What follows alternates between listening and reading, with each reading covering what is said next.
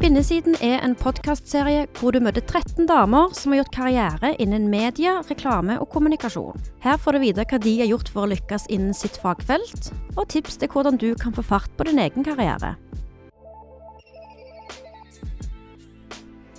Jeg er Kaja, og i dag har jeg med meg Camilla Kim Kielland, kommunikasjonsdirektør i Schibsted og tidligere rådgiver og partner i Trigger. Veldig hyggelig å ha deg med, Camilla. Veldig hyggelig å bli invitert. La oss gå litt tilbake til før du begynte å jobbe, fordi du er jo utdannet journalist. Stemmer. Hva er grunnen til at du valgte nettopp det studiet? Da jeg var 13 år gammel, så var jeg programleder i et ungdomsprogram som heter Midt i smørøyet. Og jeg hadde egentlig ikke tenkt så veldig på at jeg ville bli journalist før det, men etter å ha vært i NRK og liksom blitt, vært en del av den kulturen og truffet veldig mange av de kjente profilene som var rundt omkring der, så tenkte jeg at dette er noe jeg har lyst til. Og så var det veldig mange år at jeg faktisk tenkte på at, uh, at jeg holdt ved det ønsket. Men så var det en periode, jeg tror det var på videregående, hvor veldig mange skulle studere økonomi og bli siviløkonomer. Og så var jo matte og økonomi faget jeg var veldig glad i, så da eh, hoppet jeg plutselig av min egen drøm om å ville bli journalist, og begynte på siviløkonomistider i Toulouse i Sør-Frankrike. Og så tok jeg to av fem år der, før jeg fant ut at uh, dette ble for abstrakt. Jeg vil tilbake igjen og studere journalistikk. Så da dro jeg til um, Kristiansand og tok mediekunnskap der, litt for å finne ut hva slags type liksom, retning innenfor journalistikken jeg syntes var mest spennende. Og så dro jeg til Volda og gikk uh, journalistikk med spesialisering i radio. Og jeg tror eh, Altså, én ting var jo da det å møte mediebransjen som 13-åring, som var veldig spennende, men jeg har alltid vært veldig glad i å stille folk spørsmål. Jeg er veldig sånn nysgjerrig. Jeg er mye mer glad i å stille spørsmål enn å svare på spørsmål. Og så begynte du rett i NRK etter studiene, eller? Eh, ja, det som skjedde var at jeg hadde, mm, jeg hadde praksisen min i, um, i et program som het Vok i NRK P2. Og det var da et program for Jeg tror profilen var akademikere over 30. Men det som var bra, var at altså, P2 hadde ikke så mange lyttere, og har ikke så mange lyttere. Så det var jo i hvert fall den flaten der, så var det veldig stor frihet til å gjøre eh, ikke hva man ville, men det var ikke noe sånn at du kun har to minutter eller tre minutter, eller altså hadde du laget noe som var bra, og det varte i 15 minutter, så fikk man lov å, å sende det, da. Og eh, da jeg etter Altså, jeg hadde praksisen der i to måneder, og så, eh, mens jeg jobbet der, så drev de og rekrutterte programledere til barne-TV, altså den, den, sendingen som går klokken seks.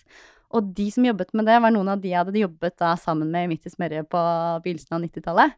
Og så av en eller annen grunn så kom jeg inn i den prosessen, det var på en audition og sånn, og så fikk jeg da rollen som programleder i barne-TV. Og jobbet da både med TV, men også med radio. Både da som programleder, men også var med å produsere noen sendinger. Og så frilanset litt på siden for VOK, da. Så det var egentlig sånn jeg kom inn i NRK, fra praksisen, da. Hvor lenge var du der? Jeg var der i eh, Altså hvis du inkluderer eh, praksisperioden, så var jeg der eh, ja, ett og et kvart år, kanskje. Så litt over et år, da. Ja. Og så gikk du over til the dark side, til å bli PR-rådgiver i byrå. Det stemmer. Det var et, et helt nytt byrå som skulle mm, etablere seg. Brynildsen Voldsdal het det. Og de lette etter da sine første ansatte. Og så var PR-bransjen eller kommunikasjonsbransjen var veldig diffus for meg. Jeg kunne veldig lite om den, og, men syns det var veldig spennende å finne ut hva det var for noe. Så jeg hadde jo en plan om at jeg skulle sjekke ut dette her, og så være der litt, og så skulle jeg tilbake til journalistikken. Det var jo en grunn til at jeg hadde studert journalist, eh, til å bli journalist, og um, følte at ett år i NRK, og da også mye i barne- og ungdomsredaksjonen, ikke var nok til å si at eh, ja, jeg var ordentlig journalist. Så Jo, så da begynte jeg der, og jeg tror jeg var den første på hele det kullet mitt i Volda som gikk over på the dark side. Og det var veldig, veldig mange som lurte på hvorfor. Uh, og på den tiden så hadde jo Jeg vil jo mene at liksom, omdømmet til kommunikasjonsrådgivere eller PR-rådgivere var jo mye dårligere da enn det er i dag. Jeg har en, altså en følelse av at også journalister i mye, mye større grad ser verdien av dette yrket, eller faktisk anerkjenner det som et yrke enn det kanskje var da. Nettopp, fordi man tenker jo at uh, journalister kanskje har mer sånn kred, eller når du er, er du utdannet journalist, så er det det du skal gjøre. Ja, ikke sant. Og nå er det jo, altså når vi ser på de jeg studerte sammen med nå, så er det jo ekstremt mange som er gått over på den andre, andre siden. Og det er jo veldig vanlig. Ja. Også både fordi, selvfølgelig fordi det er færre jobber også, men så mm. kanskje man vil prøve noe nytt og ja. Uh, og, og også, men også hvorfor jeg likte kommunikasjonsbransjen. Jeg merket jo da jeg, når jeg intervjuet folk eh, i NRK, så var det veldig ofte at jeg ble altså kanskje litt for god venn med intervjuobjektene mine. Ikke at jeg ikke klarte å stille kritiske spørsmål, men jeg kjente at jeg, hvis det var noen jeg likte veldig godt, så begynte jeg liksom å heie på dem. Altså, så jeg, ja, så jeg kjente at kanskje Og det var derfor også nyheter eh, var egentlig ikke det jeg hadde lyst til å jobbe med. Hvis jeg skulle jobbe med noe, så måtte det være feature. Det å sitte og grave inn i folks sjeler og bli bedre kjent med de og følge de over tid. og eh, En av de morsomste tingene jeg gjorde i NRK, var blant annet å lage et, eh, altså lage et portrett av hun som da var eh, leder i Oslo Mensa. Og det å liksom lage et portrett av et geni, da, og følge henne når hun var og spilte bridge og gjorde mye forskjellige ting. Så ja, så det å liksom bli kjent med menneskene er det som veldig mye har drevet meg eh, også i kommunikasjonsbransjen. Ja, for veldig mye av det du lærer Jeg er òg utdannet journalist, men jobber jo i reklamebyrå, og har jo merka at veldig mye av det du lærer som journalist, får du jo bruk for, eh, ikke bare den, de skriveferdighetene, men òg eh, det med å bli kjent med folk og generelle kommunikasjonsevner, egentlig. Mhm. Det er mye likhet. Ikke minst det der å skulle på veldig kort tid sette deg inn i en, et helt nytt tema, eller eh, på veldig kort tid sette deg inn i en problemstilling. Eh, og da også på kort tid stille de riktige spørsmålene som gjør at du får mest mulighet av folk. Kanskje så har du bare fem-ti minutter hvor du skal ha ut ganske mye informasjon. Da. Så det å effektivisere måten du stiller spørsmål på, du var innom eh, litt forskjellige byrå som eh, PR-rådgiver før du ble med og starta Trigger. Kan du fortelle litt om den reisen der? Jeg fikk jo da jobben i dette PR-byrået, eh, som var første jobben etter NRK. Eh, og det jeg ikke visste da, var at jeg skulle jo da vel da, Før jeg begynte i Skipsted, så er det vel da ca. 12-13 år jeg jobbet i byrå totalt. Jeg ante jo ikke at den byrå, eh, byrålivet skulle vare så lenge. Og da var jeg i uh, en del år, fem år, hvor uh, jeg fikk Vi var et veldig lite byrå, altså vi vokste jo og ble større, men da jeg startet, så var jeg den andre ansatte, og så var det tre partnere, så vi var fem stykker.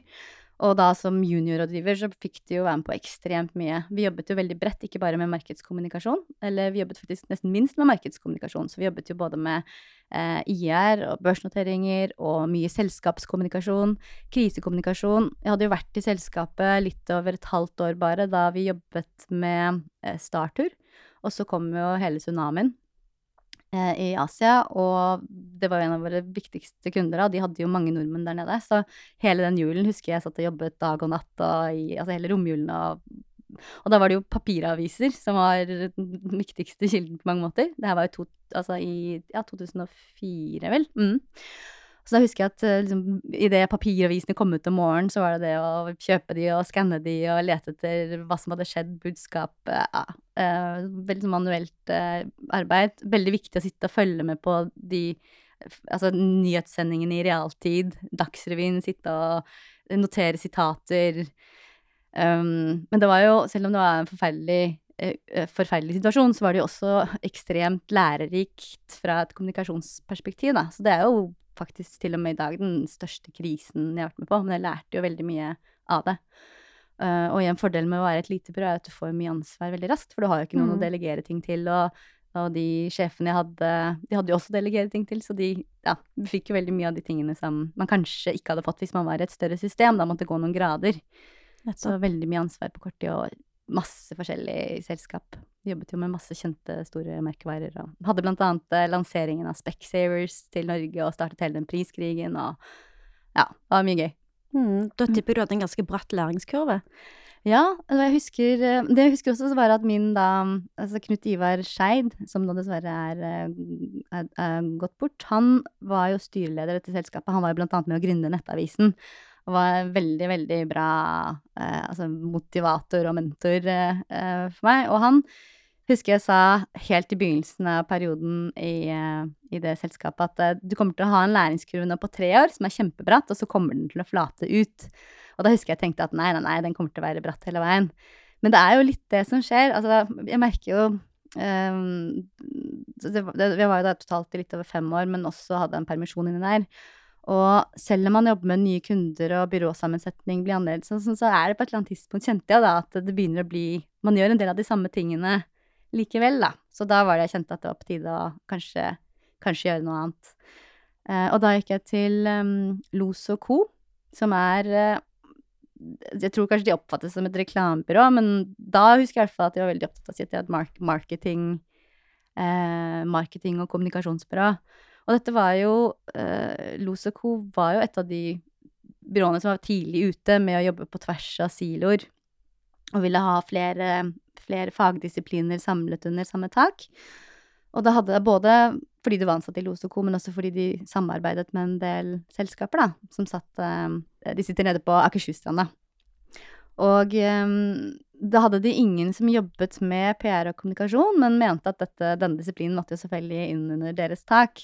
Så jeg ble vel ansatt litt sånn som et eksperiment, eh, hvor eh, vi ble enige med at eh, jeg begynner, og så ser vi hvordan det går, og så får vi se om det er rom for den rollen senere. Og eh, det var også veldig spennende. Jeg fikk masse ansvar tidlig og fikk være med inn da for første gang i sånn ordentlig kreative prosesser sammen med kreatørene, og de hadde jo egne folk som jobbet mye med innsikt og uh, Så det var jo veldig, veldig kreativt miljø. Og uh, Jan Christian Fosseid-Bråten, som er gründer av selskapet og leder, var også helt sjukt Altså fantastisk engasjerende og flink leder og ga meg masse ansvar og så hvis ikke Altså, nå var jeg der bare et år, men hvis det ikke hadde vært for at Trigger kom, så hadde jeg sikkert blitt der lenger. Det var et skikkelig, skikkelig bra sted å være, og, og, og, og som sagt en, noe helt annet egentlig enn den, det kommunikasjonsbyrået jeg kom fra, da. Som var mer sånn Der gikk folk i dress og var litt mer sånn byrå, mens uh, Eller det var mer sånn av det gamle kommunikasjonsbyråskolen, da. Ja. Mm. Og så fortell om eh, når du ble kontakta av eh, Preben Karlsen og gikk over til Trigger. Før vi hadde vår første lunsj sammen, så hadde vi allerede vært i kontakt på e-post, fordi han jobbet da i eh, et selskap som het Peto, som var en del av PR-operatørene. Og der jobbet de mye med engasjerende kommunikasjon, og hadde vunnet en del priser som et veldig lite ukjent Eller en egentlig ganske liten ukjent del av, i, av bransjen. Og så husker jeg jeg sendte han en mail hvor jeg bare sa gratulerer med utrolig kule priser og kjempebra jobber. Og så svarte han på den, og så ble vi enige om at hm, vi har jo en del til felles, men vi kjenner hverandre ikke. Eh, kanskje vi skulle ta en lunsj. Og innen vi fikk tatt den lunsjen, så hadde jo han og Markus, som også var en av grunnene i Trigger, de jobbet sammen i P2, eh, bestemt seg for å slutte, og begynte å tenke på dette med å skape sitt eget byrå. Så da så jeg og Preben hadde vår første lunsj på Skansen, husker jeg. Og der satt vi, vi Altså, jeg tror det er den lengste lunsjen jeg har hatt. Vi hadde lunsjet, tror jeg, sånn i tre timer, og det var litt sånn fagkjærlighet ved første blikk. Og, um, og idet jeg gikk derfra, så tror jeg liksom han spurte har du lyst til å være med på dette her, og jeg tror jeg sa ja med en gang. Det var ikke vanskelig å Nei, han, sånn var det. Han sa 'hvor godt sitter du', egentlig? Og da sa jeg 'jeg sitter, sitter godt, men ikke så godt'. Ja. Er det sånn det var? Ja. Var gründer noe du hadde tenkt på å bli, eller var det på grunn av den kjemien? Mm, nei, altså for det første så er jeg ganske lite redd for å hoppe i ting, tror jeg. Jeg tenker alltid sånn worst, worst, worst case, da? Og her også tenkte jeg worst case er at det ikke funker, og så får man finne seg en annen jobb igjen. Det er ikke så ille. Og kanskje også jeg har en mor som er veldig sånn Jeg har en mor som er veldig eh, veldig bekymret, og hele tiden tenker worst case. Eh, men da blir så bekymret for worst case at hun det liksom blir negativt, da. Mm. Uh, så jeg tror jeg er liksom noe av det samme, men med, med ikke motsatt fortegn, men på den andre måten tenker jeg worst case er jo ikke så ille. Ergo, ergo gjør vi dette. Så det var egentlig ganske lett bestemmelse å ta. Jeg tror også det er fordi at i nesten alle jobbene jeg har hatt, så har jeg vært litt sånn byrå i byrået. At jeg har uansett drevet veldig mye med mine egne ting og satt i gang mine egne ting og vært veldig selvgående. Selvfølgelig samarbeidet, men også drevet litt for meg selv, selv om jeg har vært i et stort byrå. Ja. Hva er grunnen til det? Jeg vet ikke helt, men hvis jeg ser på Jeg har jo tatt noen sånne personlighetstester, og det er mye av litt av svaret ligger der, men det jeg har fått på de, er at jeg både er Altså har den evnen til å igangsette ting, eh, gjennomføre og lande. Som wow. gjør at eh, Ja. Og det er på godt og vondt, da, tror jeg. Fordi det som er, er ofte, ofte da ha et eierskap til de tingene du har satt i gang, som gjør at du har lyst til å være med og lande de også. Og innimellom, eller ganske ofte, så er det jo noe med å kanskje overlevere det til andre, eller Ja, så det, det er virkelig på godt og vondt. Men det gjør i hvert fall at jeg evner da å både begynne en ting og avslutte ting. Og det tror jeg kanskje har vært litt det der at eh, Altså, som, jo, um, som jo gjør at um, um, At det, det er lett å være selvgående, da. Og så tror jeg det er kombinasjonen med da ingen redsel for at uh, det skulle gå galt. Og også fordi selvfølgelig jeg trodde veldig på de tankene Preben hadde om trigger, og um, at vi var veldig Møtte hverandre veldig på den fagbiten om at uh, PR-bransjen er altfor opptatt av uh, og dette var jo 2010, da, altfor opptatt fortsatt av det å skulle telle presseklipp. Og det husker jeg, jeg hadde jo kunder da som, som Veldig ofte så var jo brifen 'jeg vil på forsiden av en eller annen avis', eller 'jeg vil på Dagsrevyen', eller um, Det handlet veldig mye om å sminke brura. Og det å prøve da å jobbe for en ny retning innen faget, det å prøve å ikke ikke, ikke sminke sannheten nødvendigvis, men prøve å skape, skape den, en ny sannhet selv, da, og så kommunisere den. Det trodde jeg veldig på. Så nei, det var veldig lett å, å si ja. Og så møtte jeg jo da Markus og Henrik, som var de to andre som da var liksom koblet på. Eh, bare en dag eller to etter, tror jeg. Og så hadde vi en sånn sosial test hvor vi spiste litt og drakk litt, og det var eh, også full match. Mm. Så, og jeg tenker sånn i etterkant så tror jeg jo eh, Jeg tror vi hadde også litt sånn flaks med den sammensetningen, at kjemien oss imellom stemte så bra, men også at vi utfylte hverandre på hva vi var flinke til, og ja. Så det, det kunne jo Det er fort gjort at det, det er en råtten tomat i flokken, men Ja. eh, vi fire funket skikkelig bra sammen. Så hvordan var det å være med å starte et byrå fra scratch, og se det vokse ganske raskt til å bli en såpass stor suksess? Det var veldig gøy, men også litt sånn uvirkelig. Vi sa jo tidlig at uh, vi ikke skulle bli mer enn ni personer, eller kanskje maks 13. For det er jo noe med at idet du begynner å bli 13-14-15, og så opp til noen og 20, så må du organisere deg på en helt annen måte, man mister litt kontrollen. Og både jeg og Preben i hvert fall hadde vært i byråer tidligere som hadde vokst fort, kanskje litt, for fort, og ønsket å holde det ganske lite. Men så øh, vet jeg egentlig ikke hva som skjedde, men vi fikk jo mye bra blest oppmerksomhet øh, basert på de jobbene vi gjorde, i tillegg til at vi utfordret bransjen og fikk jo mye oppmerksomhet for det. Tror spesielt reklamebransjen var jo øh, ute og både parodierte oss og ja, så det, det var jo kjempegøy. Eh, og den oppmerksomheten at jobbene bidro til at vi fikk veldig mye kundehenvendelser, og veldig riktige kundehenvendelser. Eh, så vi vokste jo veldig mye fortere enn det vi hadde trodd at vi kom til å gjøre. Og da Veldig fort så så vi at 13, det er for lite.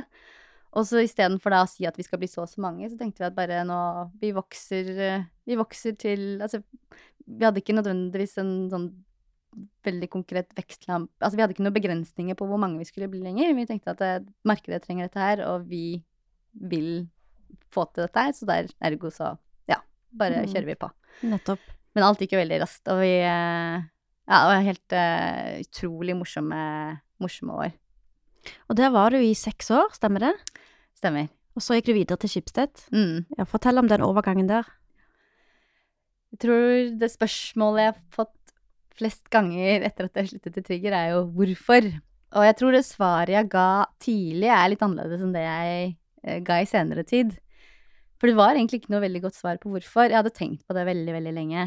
Og øh, da tanken meldte seg for første gang, øh, så var det bare sånn Dette er helt uaktuelt. Trigger er babyen min, og du gikk ifra deg barnet ditt, rett og slett. Men så var det vel noe med Det var jo litt Jeg jobbet jo, det var jo helt fordi jeg bare er skrudd sammen sånn, på godt og vondt. Kanskje mest vondt. Det var jo mye jobb. Både det fordi du kjente jo flere vi ble, så kjenner du jo på et ansvar, ikke minst økonomisk, på at du skal forsørge denne flokken og um, Så det var jo mye jobb. Jobbet jo hver eneste helg og hver eneste kveld alle de årene. Og på slutten kanskje bare stadig mer og mer. Um, Og, øh, men det var for så vidt greit, fordi jeg har alltid tenkt at så lenge det er gøy å jobbe, så funker det fint for meg, og det er den hobbyen jeg har og har hatt. Det høres helt forferdelig ut, men trigger var jo like mye hobby, nesten. Det må jeg si. Ja. Um, Men så men så var det selv om vi hadde veldig mye forskjellige kunder og jobbet med masse spennende prosjekter, så var det litt den følelsen av at noe gikk på repeat likevel. Og selv om vi var flinke på å endre oss og utvikle oss og alt, så var kanskje ikke det nok, da. I, men samtidig så var det noe med at det, eh, fantastisk flinke folketrygger, og eh, jeg var jo ikke i konflikt med noen. Tvert imot så var jeg skikkelig, skikkelig glad i de aller fleste. Så det var jo ikke det at eh, Og det er kjempeviktig. Altså, jeg gikk jo ikke fra Trigger fordi jeg ikke trodde på den retningen vi var inne i, eller hvor vi skulle på vei, eller folka, eller noen ting. Overhodet ikke tvert imot. Hadde jeg liksom kunnet beholdt aksjene mine, så hadde jeg gjort det, men vi hadde jo da en avtale om at du skal være Altså alle skal være arbeidende aksjonærer. Så Så ideelt sett skulle jeg gjerne hatt posesekk, altså både beholdt trigger, men likevel gjort noe litt annet, da. Mm. Men det jeg var veldig tydelig på, var at når jeg sluttet i Trigger, var at jeg ikke skulle vite hva jeg skulle før jeg var helt ferdig. For jeg tror ikke jeg hadde, var- i stand til å Jeg måtte renske hjernen min på Trigger litt for å finne ut hva jeg hadde lyst til å gjøre videre. Så selv om jeg snakket med noen folk i den oppsigelsesperioden og sånn, så var det helt uaktuelt å bestemme seg for en ny retning. Men så er det jo noe med at eh, gitt at jeg var så kort tid i NRK da, før jeg gikk opp på the dark side, så jeg alltid Eller dark side, høres fælt ut dark side. Da var det dark side. Ja. Oh, jeg syns jo ikke det er dark side nå. Eller syns jo ikke det da heller.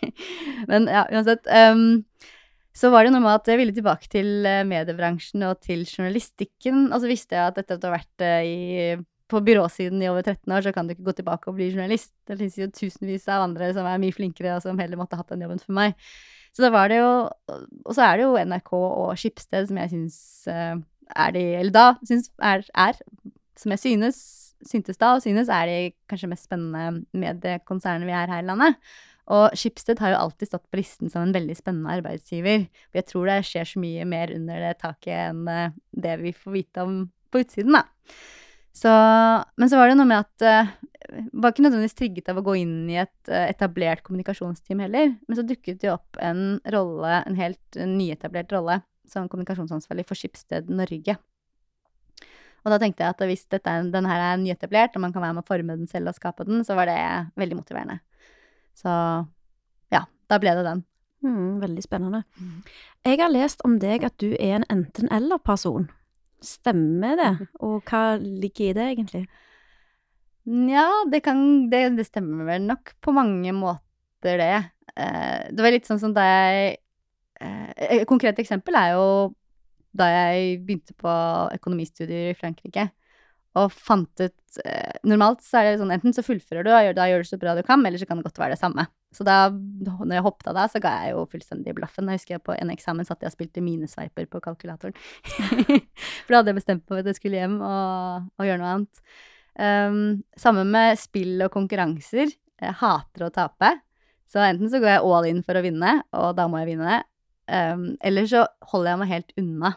Så egentlig, jeg har jo to barn. Jeg hater å spille spill med dem fordi jeg hater at jeg eventuelt kan tape. Ja. Så enten skal jeg vinne, eller så er jeg ikke med. ja. Ja. Konkurranseinstinkt. ja.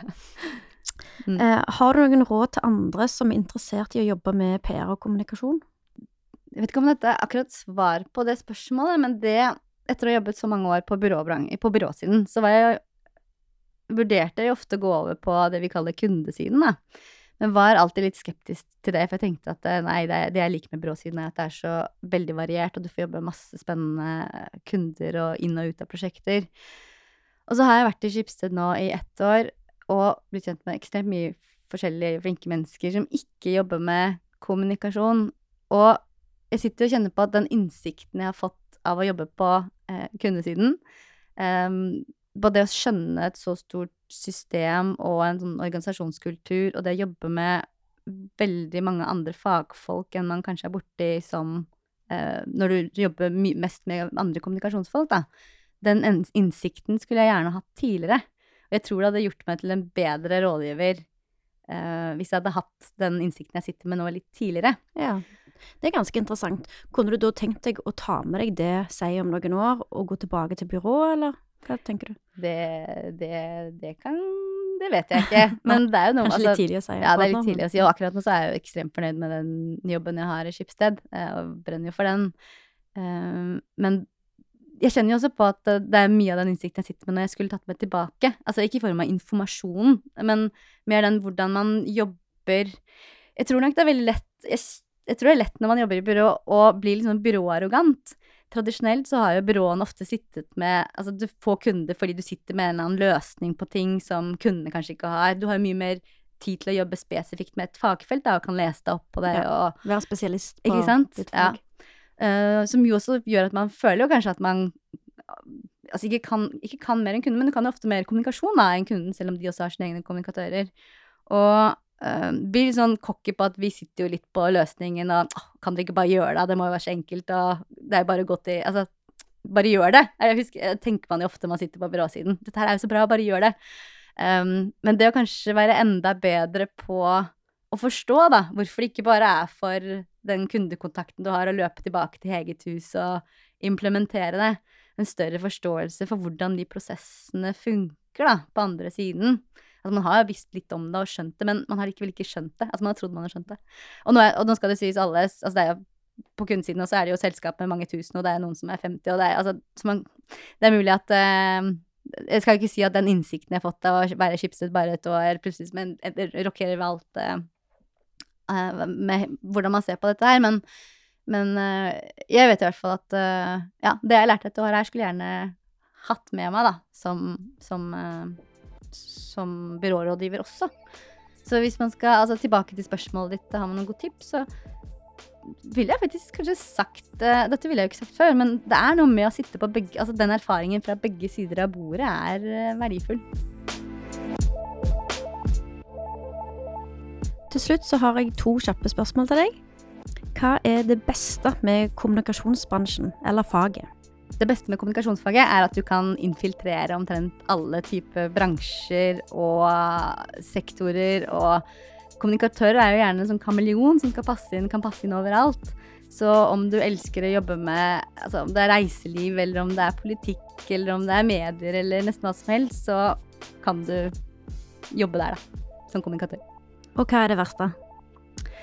Det verste er kanskje Det henger jo litt med, med sammen med forrige svaret, men at vi i kommunikasjonsbransjen fort blir jo litt den der andedammen hvor vi gjerne henter eh, ekspertise Altså hvor vi gjerne bruker hverandre som eksperter innenfor kommunikasjonsbransjen. Og så tror jeg ofte at det fins veldig mange andre i, innenfor helt andre fagområder som også er eksellente kommunikatører. At vi av og til glemmer å se litt ut av vår egen andedam, da. Camilla, tusen takk for at du ble med på Spinnesiden. Tusen takk for at jeg fikk lov til å komme.